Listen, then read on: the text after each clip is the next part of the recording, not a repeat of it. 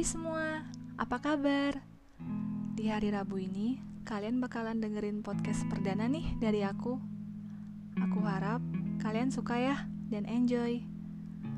Dan buat kalian yang udah dengerin, makasih ya.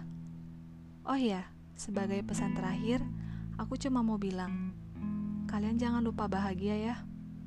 Dan semoga harimu menyenangkan. Sesuai dari namanya, kali ini aku akan ngebahas tentang mencintai secukupnya. Terutama buat kalian yang sekarang sedang mencintai seseorang yang belum bisa dimiliki. Hai kamu yang dengerin podcast ini, baik perempuan atau laki-laki, aku mau ngasih tahu. Kamu boleh mencintainya, tapi sewajarnya aja ya.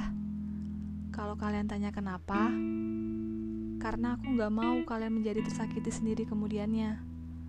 Aku nggak mau kalian tersakiti karena hal-hal seperti kalian yang terlalu berespektasi sama seseorang yang kalian sukai dan terlalu berharap, tapi nyatanya balasan yang didapat dari seseorang itu nihil.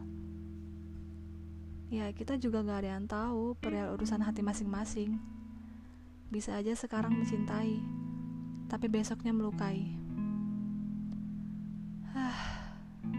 Ngomongin masalah cinta tuh pasti ribet, rumit sih karena pinginnya selalu bahagia, tapi keadaan gak pernah mengizinkan buat selalu bahagia.